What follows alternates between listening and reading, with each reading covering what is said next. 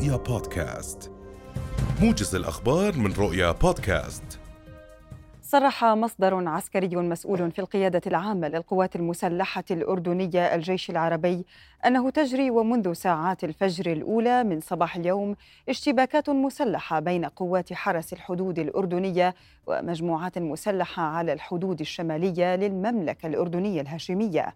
وضمن منطقة مسؤولية المنطقة العسكرية الشرقية إذ أسفرت هذه الاشتباكات لغاية الآن عن إحباط تهريب كميات كبيرة من المخدرات والأسلحة الأوتوماتيكية والصاروخية. وأكد المصدر أنه يجري طرد المجموعات المسلحة إلى الداخل السوري فيما أصيب عدد من أفراد قوات حرس الحدود وحالتهم الصحية بين الخفيفة والمتوسطة. وأوضح المصدر أن الأيام الماضية شهدت ارتفاعا في عدد هذه العمليات وتحولها من محاولات عمليات تسلل وتهريب إلى اشتباكات مسلحة بهدف اجتياز الحدود وبالقوة من خلال استهداف قوات حرس الحدود.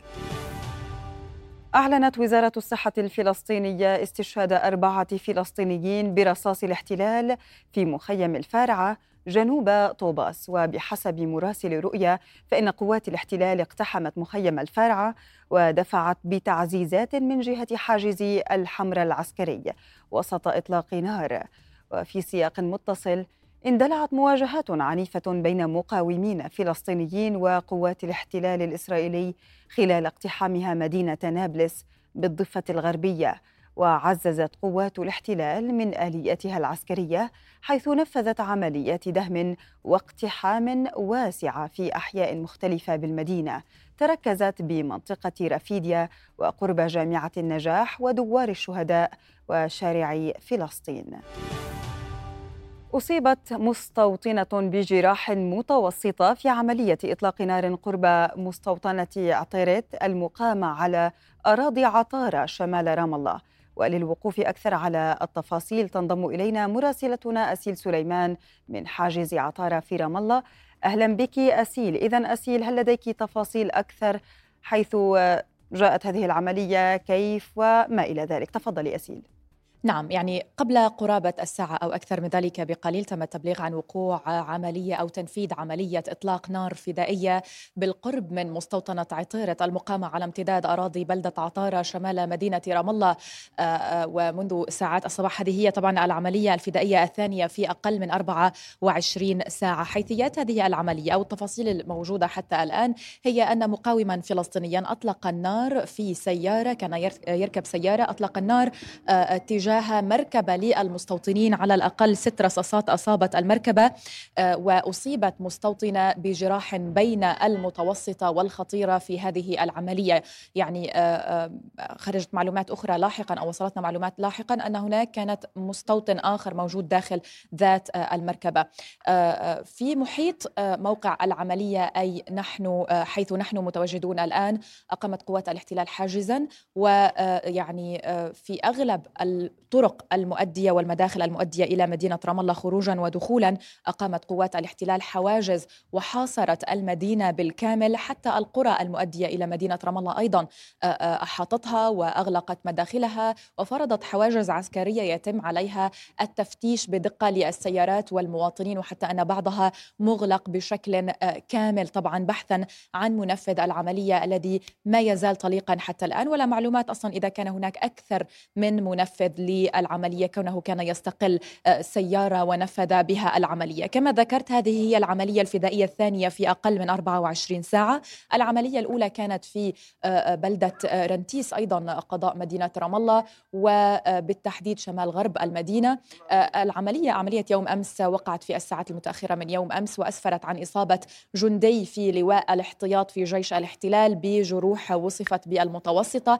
هذه العملية قام فيها مقاوم بطعن آه، آه، هذا الجندي في محطة وقود تتواجد أو على مدخل قرية رنتيس بالتحديد. هذه المعطيات كلها تشير إلى أن قوات الاحتلال تفشل باستمرار في فرض القبضة الأمنية التي تسعى منذ السابع من أكتوبر إلى فرضها على الضفة الغربية وتخشى بالحقيقة من أن تفتح جبهة الضفة الغربية كجبهة مقاومة على قوات الاحتلال. فلا تستطيع التوفيق بين مقاو... يعني القتال في غزة والسيطرة أو محاولة السيطرة على القطاع. على عفوا الضفة الغربية. مع بدء السابع من أكتوبر وبدء أيضا عدوان الاحتلال على قطاع غزة قامت قوات الاحتلال بفرض وإرسال تعزيزات جديدة وإضافية من الجنود على الحواجز العسكرية والنقاط العسكرية في جميع أنحاء الضفة الغربية إلا أنه ومع تلك التعزيزات جميعها ما تزال تنفذ العمليات الفدائية. آخر العمليات النوعية كانت العملية التي نفذت في مدينة القدس قرب محطة باصات أو في محطة باصات في الحقيقة ويعني قتل فيها فيها أربعة مستوطنين على الأقل وأصيب آخرون واستشهد فيها شقيقان قاما بتنفيذ هذه العملية. يعني آه، هذه العمليات الفدائية هي نتاج متوقع وحصيلة السياسات التي تتبعها قوات الاحتلال ومستوطنيها أيضا في الضفة الغربية من اعتداءات مستمرة، اقتحامات يعني بشكل يومي في الضفة الغربية، اعتقالات، اغتيالات كما ذكرت وأيضا عمليات عسكرية ممنهجة في المخيمات والمدن التي تتركز فيها المقاومة المسلحة والكتائب والمجموعات الفلسطينية المقاومة المسلحة، وكما ذكرت كلها تهدف إلى فرض نوع من السيطرة الأمنية العملية على الضفة الغربية إلا أن ذلك آه، يفشل باستمرار ونستطيع قراءة فشله في الحقيقة من آه، ما يحدث في الشارع الفلسطيني. يعني نتنياهو وبنكفير يسعيان منذ السابع من أكتوبر إلى زيادة تسليح المستوطنين ونتحدث عن عشرات آلاف الرخص من آه، أو لحمل واستخدام السلاح سمح بها للمستوطنين منذ السابع من أكتوبر وخاصة تعود هذه التصريحات أيضا لزيادة تسليح المستوطنين والسماح بذلك بعد كل عملية فدائية يتم تنفيذها في الضفة الغربية أو القدس أيضا والداخل المحتل. ولكن ذلك لا يعلمون ربما أو لا تدرك بعد حكومة الاحتلال أن ذلك ما يؤدي إلى هذه أو هذا النوع من العمليات الفدائية كرد فعل طبيعي على سياسات الاحتلال بهذا الشكل في الضفة الغربية كما ذكرنا من اغتيالات واعتقالات اقتحامات ليلية آه، آه، وما يتم ممارسته ضد الأسرى في السجون من تنكيل ممنهج وإعدامات. صباح اليوم ذكرت هيئة شؤون الأسرى والمحررين أن لديها معلومات حول إعدامات ميدانية لأسرى في قطاع غزة في معسكرات تابعة للإحتلال. تم إعدامهم ميدانيا. العدد غير دقيق بالتحديد لأنه آه، يعني هؤلاء الأسرى هم آه، آه، يعني يتم ممارسة عليهم الإخفاء القسري والاختطاف لا معلومات حول هوياتهم لا معلومات حول أعدادهم حول حالاتهم الصحية ولا حتى أماكن اعتقالهم واحتجازهم في الحقيقة. بعضهم نساء ورضيعات موجودات في سجن الدامون في الضفة الغربية. البعض الآخر كما ذكرت في معسكرات الاحتلال. وحتى الآن لا معلومات واضحة عنهم. إذا حتى الآن عمليات البحث والتمشيط عن منفذ العملية ما زالت مستمرة. آه، آه، ترافقها طبعا آه، في هذا الإطار عمليات إغلاق لمداخل مدينة رام الله. هناك حديث عن أن المنفذين دخلوا المدينة مدينة رام الله بالتحديد ولكن ليس أكيدا بعد. نوفيكم في أبرز المستجدات حال ورودها. طبعا أسيل ولك منا جزيل الشكر مراسلتنا أسيل سليمان. كنت معنا عند حاجز عطارة. شكرا لك أسيل. واصلت قوات الاحتلال الإسرائيلي اليوم غاراتها على مناطق عدة في قطاع غزة مما أسفر عن استشهاد وإصابة العشرات من الفلسطينيين جلهم من الأطفال والنساء. وقالت مصادر صحية صباح اليوم إن أكثر من مئة شهيد ارتقوا في مجازر الاحتلال في جباليا. ومثلهم تحت الأنقاض إلى جانب عشرين مصابا على الأقل. وشنت طائرات الاحتلال غارات عنيفة على المناطق الشمالية لمدينة خان يونس جنوبي قطاع غزة بينما استهدف قصف مدفعي كثيف كافة مناطق المدينة مما أسفر عن استشهاد وإصابة عشرات الفلسطينيين. إلى ذلك هزت انفجارات عنيفة أجواء المنطقة الوسطى لقطاع غزة. أقر جيش الاحتلال الإسرائيلي اليوم بمقتل أربعة من جنوده الليلة الماضية في المعارك الدائرة جنوبي قطاع غزة ما يرفع عدد قتلاه منذ بدء العملية البرية في غزة إلى 132 وتصاعدت خسائر الجيش الإسرائيلي خلال الأيام الماضية مع اشتداد المعارك مع المقاومة الفلسطينية في جنوب قطاع غزة خاصة في خان يونس. وأعلنت المقاومة عن سلسلة من العمليات والاستهدافات التي طالت دبابات الاحتلال ومركباته وتجمعات لجنوده ما أسفر عن عدد كبير من القتلى والجرحى في صفوفه. وبذلك يرتفع عدد قتلى جيش الاحتلال منذ إطلاق المقاومة الفلسطينية عملية طوفان الأقصى في السابع من أكتوبر إلى 458 قال مصدران أمنيان مصريان إن إسرائيل وحركة المقاومة الإسلامية الفلسطينية حماس منفتحان على تجديد وقف إطلاق النار والإفراج عن الأسرى لكن لا تزال هناك خلافات حول كيفية تنفيذه. وذكر المصدران أن مصر وقطر أصرتا على زيادة المساعدات وفتح معبر كرم أبو سالم قبل البدء في أي مفاوضات. وبينما فتح المعبر بالفعل قال إن المساعدات تتأخر بسبب عمليات التفتيش ولم تدخل غزة بعد.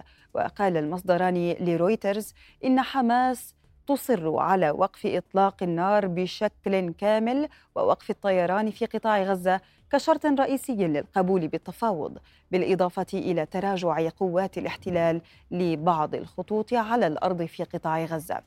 وافادا بأن حماس أبدت موافقة على استكمال هدنة تسليم الأسرى بقائمة تحددها حماس ولا يفرضها عليها أحد.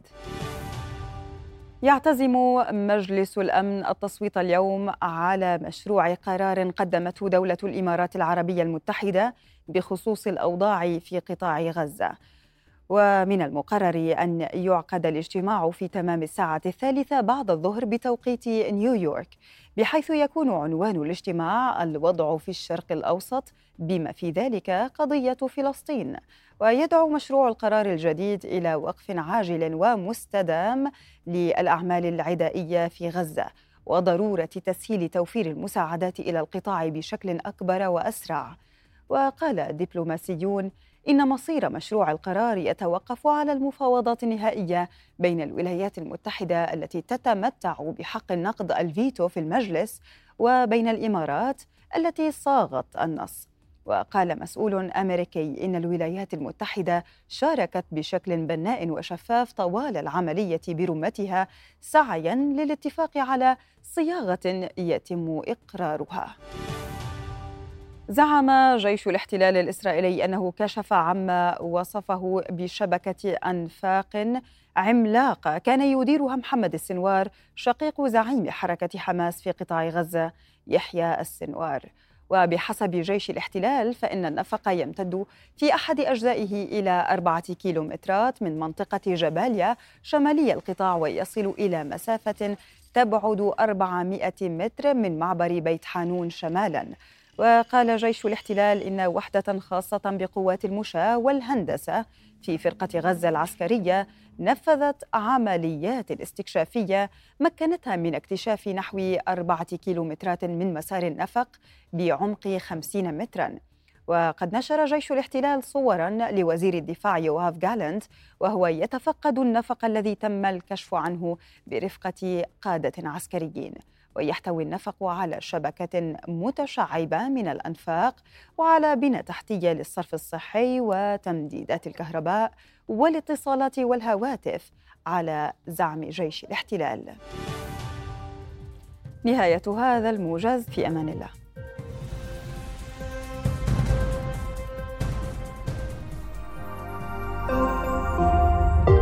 رؤيا بودكاست